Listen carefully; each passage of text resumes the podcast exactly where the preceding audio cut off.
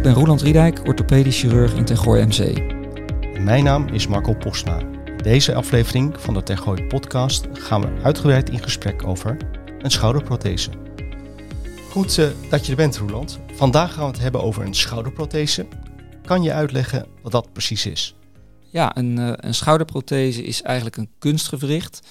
Uh, we kennen eigenlijk allemaal de heup- en de knieprotheses wel. Nou, dergelijke gewrichten kun je ook plaatsen in een, in een schouder, waarbij je de onderdelen vastzet aan het schouderblad en aan de bovenarm. En het bestaat uit metaal en uit kunststof. Het is dus een vervangend deel van de schouder. En dat krijg je omdat? Nou, het zorgt ervoor dat je het gewricht weer, uh, weer goed kunt, uh, kunt bewegen.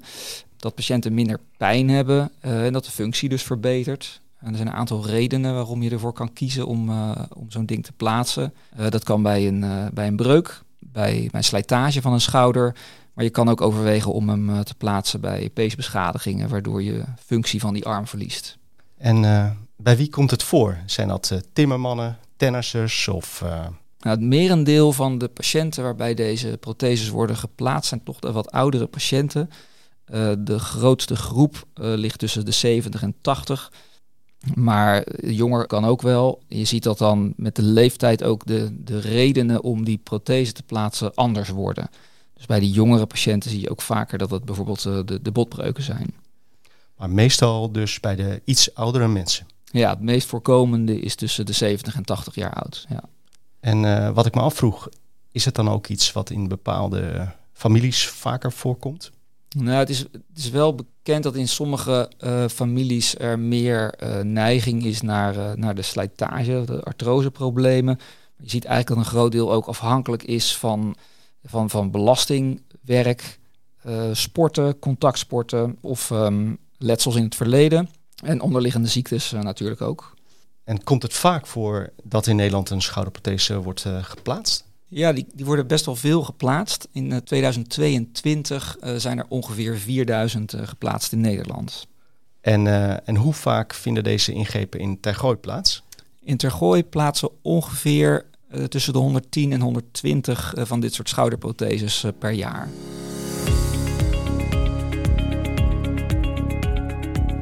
Wat is de schouder eigenlijk voor gewricht? Kan je daar iets meer over vertellen? Het schoudergewricht is eigenlijk een, uh, een hele grote uh, bol aan de, aan, de, kant van de bovenarm. Uh, die staat op een heel klein kommetje aan de kant van je schouderblad. En dat heeft als voordeel dat dat schoudergewricht heel, heel mobiel is. Het kan eigenlijk alle kanten op bewegen. Het nadeel is dat het daardoor ook wat makkelijker instabiel is. Dus die grote bol die rolt eigenlijk makkelijker van dat kommetje af. En het is dus belangrijk dat de pezen en de spieren eromheen die, um, die schouder netjes op zijn plek houden en stabiel houden. Laten we bij het begin uh, beginnen, Roland. Welke klachten openbaren zich als eerste? De, de meeste mensen die krijgen eigenlijk gewoon uh, ja, pijn van de schouder. Kan gepaard gaan met, uh, met krachtsverlies, toename van stijfheid. Ja, en minder goed kunnen functioneren in het dagelijks leven, minder dingen kunnen tillen nachtpijn. Dat zijn eigenlijk de meest voorkomende klachten die patiënten hebben. En, en wat is dan precies de oorzaak van die, van die klachten? Ja, er kunnen meerdere oorzaken zijn. Nou, de, de breuken kennen we natuurlijk allemaal. Iemand die van een ladder valt. Slijtage van het kraakbeen, dat geeft met name de stijfheid en, en een pijnlijke ontstekingsreactie. Maar je kunt ook hebben dat die slijtage van de pezen uh, een probleem wordt. En dan zie je dus juist dat uh, patiënten meer moeite hebben met met kracht zetten in die arm. Um, ja, het kan ook veroorzaakt worden door, uh, door zware belasting, uh, letsels in het verleden, artritis. Ja, en het kan eigenlijk ook gewoon door ouderdom zijn dat de pezen steeds wat, uh, wat dunner worden door slijtage, waardoor die, die functie slechter wordt eigenlijk. Kunnen die klachten die je dan hebt ook vanzelf weer overgaan? Ja, de schade die er is, die, die verdwijnt eigenlijk niet. Maar het is wel zo dat een hele grote groep mensen prima functioneert ondanks die schade. Dus dat ze weinig pijn hebben en in hun dagelijks leven dingen goed kunnen doen. En dat is de reden dat we eigenlijk bij dit soort klachten niet meteen naar zo'n operatie grijpen, maar in eerste instantie met een niet-operatief traject eh, starten. Ja, en, en wat is dan het tijdstip om medische hulp in te roepen? Nou, ik denk dat op het moment dat iemand eh, wat langer klachten heeft van, van zo'n schouder en dat dat niet vanzelf weggaat met een paar weken, dan is het eigenlijk de eerste stap om contact met de huisarts op te nemen. Dan ga je dus eerst naar de huisarts. Ja, in principe wel. Ja. En hoe kan je huisarts je dan verder helpen? Nou, de, de behandeling van dit soort klachten begint eigenlijk eerst met, uh, nou, je wilt natuurlijk graag een diagnose uitzoeken, maar het rustgeven van die, uh, van die arm, uh, vaak in combinatie met, met fysiotherapie. Daarnaast kun je patiënten nog ontstekingsremmers voorschrijven of kan er een injectie geplaatst worden. En dat is eigenlijk de eerste stap om te proberen die, die pijnklachten onder controle te krijgen en die functie weer beter te, te maken. Dus uh, je gaat aan de slag met de fysio, uh, je krijgt medicijnen bij de huisarts. En dat gaat dan soms over, maar soms misschien ook niet. En dan verwijst je huisarts je door naar jou. Ja, dan uh, wordt de patiënt verwezen naar de, naar de orthopedie in uh, Tergooi. Een specifieke schouder- en elleboogcentrum. En dat is een afdeling speciaal voor, voor schouders en ellebogen. Ja, wij zijn binnen, uh, binnen de orthopediegroep een aparte poli eigenlijk. Net zoals ook voor de heupen en de knieën aparte poli hebben. Uh, ja, en wij zien met name patiënten met, met klachten van de bovenste extremiteiten in, uh, in samenwerking met de fysiotherapeut. Welke onderzoeken zijn er dan nog nodig om de oorzaak exact vast te stellen? Als een patiënt voor het eerst komt op het schouder- en elleboogcentrum, dan maken we eigenlijk altijd een röntgenfoto. Daar kun je goed de, de slijtage of artrose op zien of verkalkingen in pezen op zien. Daarnaast worden patiënten gezien door uh, een van de schouderfysiotherapeuten die wij uh, eigenlijk altijd op, het, op de poli aanwezig hebben. En daarnaast maken we nog een echografie. En dat is met name een onderzoek waarbij je de banden en de, nou, eigenlijk de pezen het beste kunt beoordelen.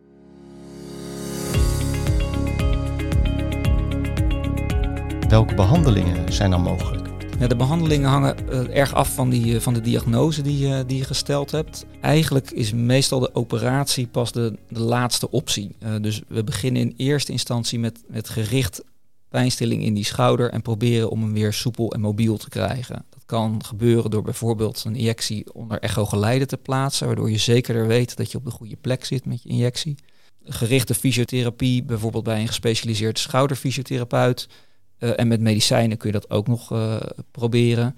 Werkt dat allemaal niet, ja, dan, dan, kunnen we gaan praten over een operatie. Oké, okay, maar even helder, een operatie is dus niet altijd uh, nodig? Nee, verre van, nee. En je gaat dus opereren als? Nou, als de eerdere behandelingen niet werken, dus als een patiënt pijn blijft houden, uh, s'nachts wakker wordt van de pijn bijvoorbeeld, als er, als er krachtsverlies blijft, waardoor iemand die arm gewoon niet kan bewegen in zijn dagelijks leven, en als het echt ja, blijvende beperkingen geeft, dan uh, kun je besluiten om een, uh, om een operatie te doen.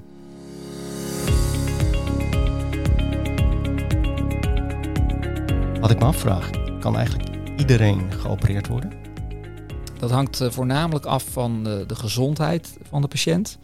Eigenlijk in theorie wel, maar patiënten moeten altijd gescreend worden door de anesthesist, eventueel door een cardioloog of een longarts als er andere problemen zijn die, uh, die spelen uh, en waardoor er een groter risico is bij een operatie. Hoe verloopt de operatie uh, om zo'n schouderprothese te plaatsen? Um, nou, een patiënt wordt, wordt eigenlijk opgenomen en gaat naar de, de voorbereiding van de operatiekamer. Dan krijgt de patiënt in eerste instantie een zenuwblokkade van de anesthesist. Daarnaast um, wordt er uh, patiënt tijdens de operatie onder narcose gebracht en zit tijdens die ingreep eigenlijk in een, in een zittende houding. Ja, we dekken dan steriel af, uh, we maken dat gewricht open, we verwijderen de, de slechte onderdelen, die, die, die, zaag je er eigenlijk echt uit. Vervolgens plaatsen we nieuwe onderdelen aan de zijde van het schouderblad, maar ook aan de zijde van de bovenarm. zodat die onderdelen die, ehm, ja, die eigenlijk schuurden weer, weer netjes over elkaar heen kunnen glijden. En ehm, ja, daarna maken we, het, uh, maken we het weer dicht. De, de versleten onderdelen zijn vervangen voor uh, nieuwe materialen. Mm -hmm. Dus je ligt niet, maar je zit tijdens de operatie. Ja, ja we noemen dat ook de, de strandstoelhouding. Uh, dus ik weet niet of het voor de patiënten zo voelt, maar zo ziet het er wel uit. Ja. Krijgt iedereen hetzelfde model schouderprothese? Nee, er zijn eigenlijk verschillende uh, typen schouderprotheses. En het hangt dus eigenlijk af van de diagnose uh, welk type schouderprothese een, uh, een patiënt krijgt. je hebt de, ja, de normale totale schouderprothese. Dat is eigenlijk een, een prothese waarbij je de normale vorm van de schouder nabootst. Dus een kommetje van kunststof en een, een kop van metaal. En je hebt de omgekeerde schouderprothese, waarbij je eigenlijk juist andersom doet. Dus het, wat voorheen het kommetje was aan de zijde van, de schouder, van het schouderblad, dat wordt een metalen bolletje. En aan de kant van de bovenarm wordt een kommetje geplaatst. En die laatste doe je met name bij patiënten die hele slechte uh, pezen hebben, dus een slechte aansturing hebben van die schouder. Weet je dan van tevoren al welke prothese je gaat plaatsen? Ja, als het goed is wel. Ja, het is wel de bedoeling dat je dat eigenlijk van tevoren al hebt uitgezocht voordat je begint aan de operatie. En de operatie, hoe lang duurt die? De operatie duurt ongeveer tussen een uur en uh, anderhalf uur. En wie zijn daarbij uh, aanwezig? Ja, dat is best wel druk op zo'n operatiekamer, want uh, er is natuurlijk een anesthesist en een anesthesiemedewerker. Er is de, de orthopedisch chirurg die is aanwezig met een assistent die helpt tijdens het opereren. En je hebt nog een operatieassistent die de materialen aangeeft. Daarnaast loopt er nog iemand rond in de ruimte om eventueel andere materialen aan te geven. Dus het is best een uh, drukke bedoeling op zo'n operatiekamer. Ja. En zijn er risico's aan de operatie verbonden? Ja, helaas zijn eigenlijk alle operaties niet zonder risico. Nou zijn die risico's relatief klein, maar een van de vervelendste risico's die je loopt of complicaties zijn kans op, op infectie. Dat ligt rond de 1%. Er is een kans op, op bloedverlies of zenuwletsel. Waardoor mensen minder kracht of, of pijn in zo'n arm kunnen houden. En daarnaast kan zo'n prothese ook nog uit de kom schieten. Maar gelukkig gebeurt het allemaal niet, niet zo vaak.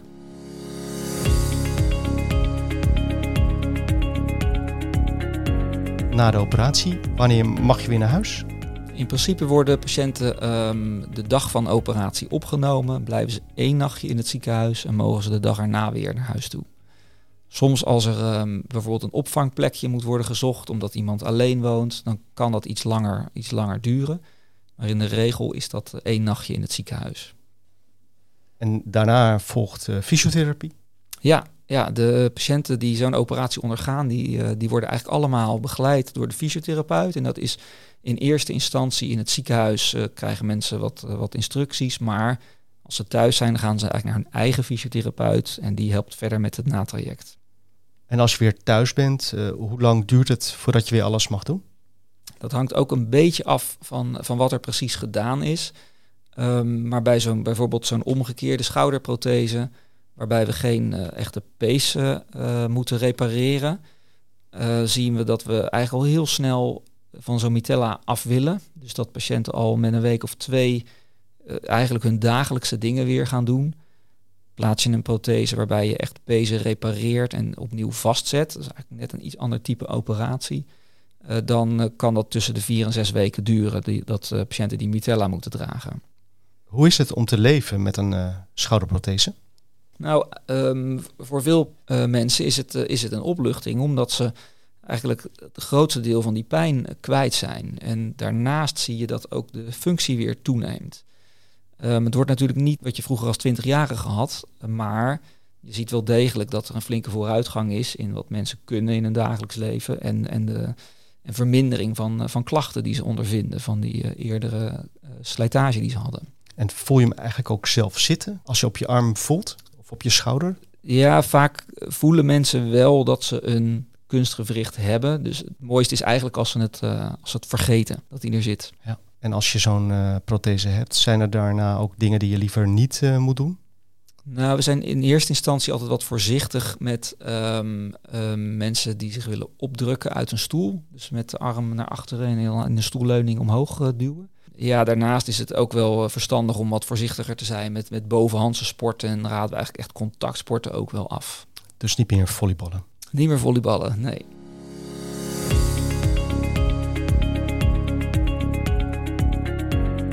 Vertelde dat de, de prothese bestaat uit uh, metaal en kunststof.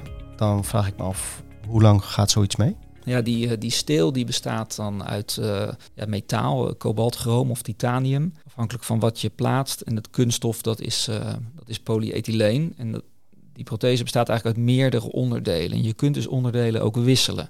Dus stel dat het kunststof slijt, dan zou je kunnen zeggen, nou ik laat het stilzitten en ik wissel alleen dat kommetje.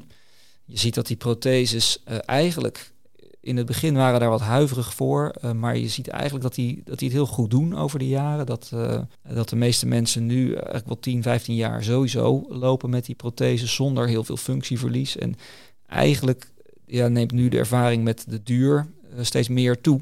Maar waar we eerst vrij terughoudend waren, zie je dat eigenlijk de, de functie best lang goed blijft en we wat, wat, ja, wat soepeler worden in die indicatie, ook wel bij iets jongere patiënten.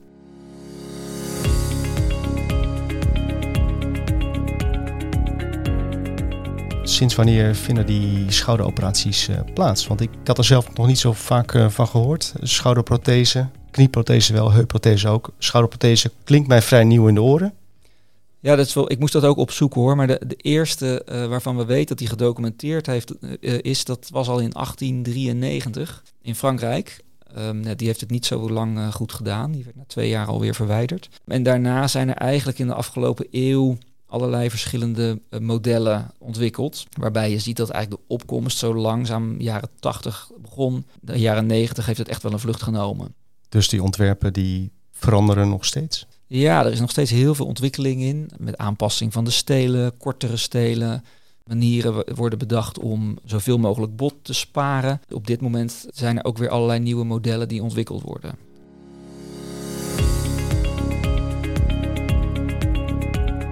Wat maakt het vak van orthopedisch chirurg voor jou zo mooi, eh, Roland? Nou, uh, wat ik heel leuk vind is dat het een, uh, een combinatie is van, van polykliniek, waarbij je echt uh, contact hebt met je patiënten en dus ook langdurig contact hebt met je patiënten. je ziet ze niet maar één keer, maar vaak wel, wel langer. In combinatie met een operatie. En wat natuurlijk het mooiste is, is als iemand heel slecht binnenkomt en na een ingreep of na een niet-operatieve behandeling ineens weer kan functioneren in dagelijks leven. En dat, ja, daar krijg je wel heel veel voldoeningen uit. Daarnaast is het heel leuk om, uh, om te werken in een team, zowel op een polykliniek, in het hele orthopedische team. We hebben een hartstikke leuke vakgroep met uh, acht orthopedische chirurgen, fellow en uh, assistenten in de opleiding. Waardoor je eigenlijk ook nog uitgedaagd wordt in kennis en ontwikkeling. En daarnaast natuurlijk het operatieteam, wat, wat altijd heel leuk is om mee samen te werken. Dus echt een, een vak wat je niet in je eentje kunt doen. Het is echt teamwork. Mooi. We zijn bijna aan het einde gekomen van dit interview, uh, Roeland. Heb je tot slot nog een uh, goede tip voor onze luisteraars om hun uh, schouders gezond te houden?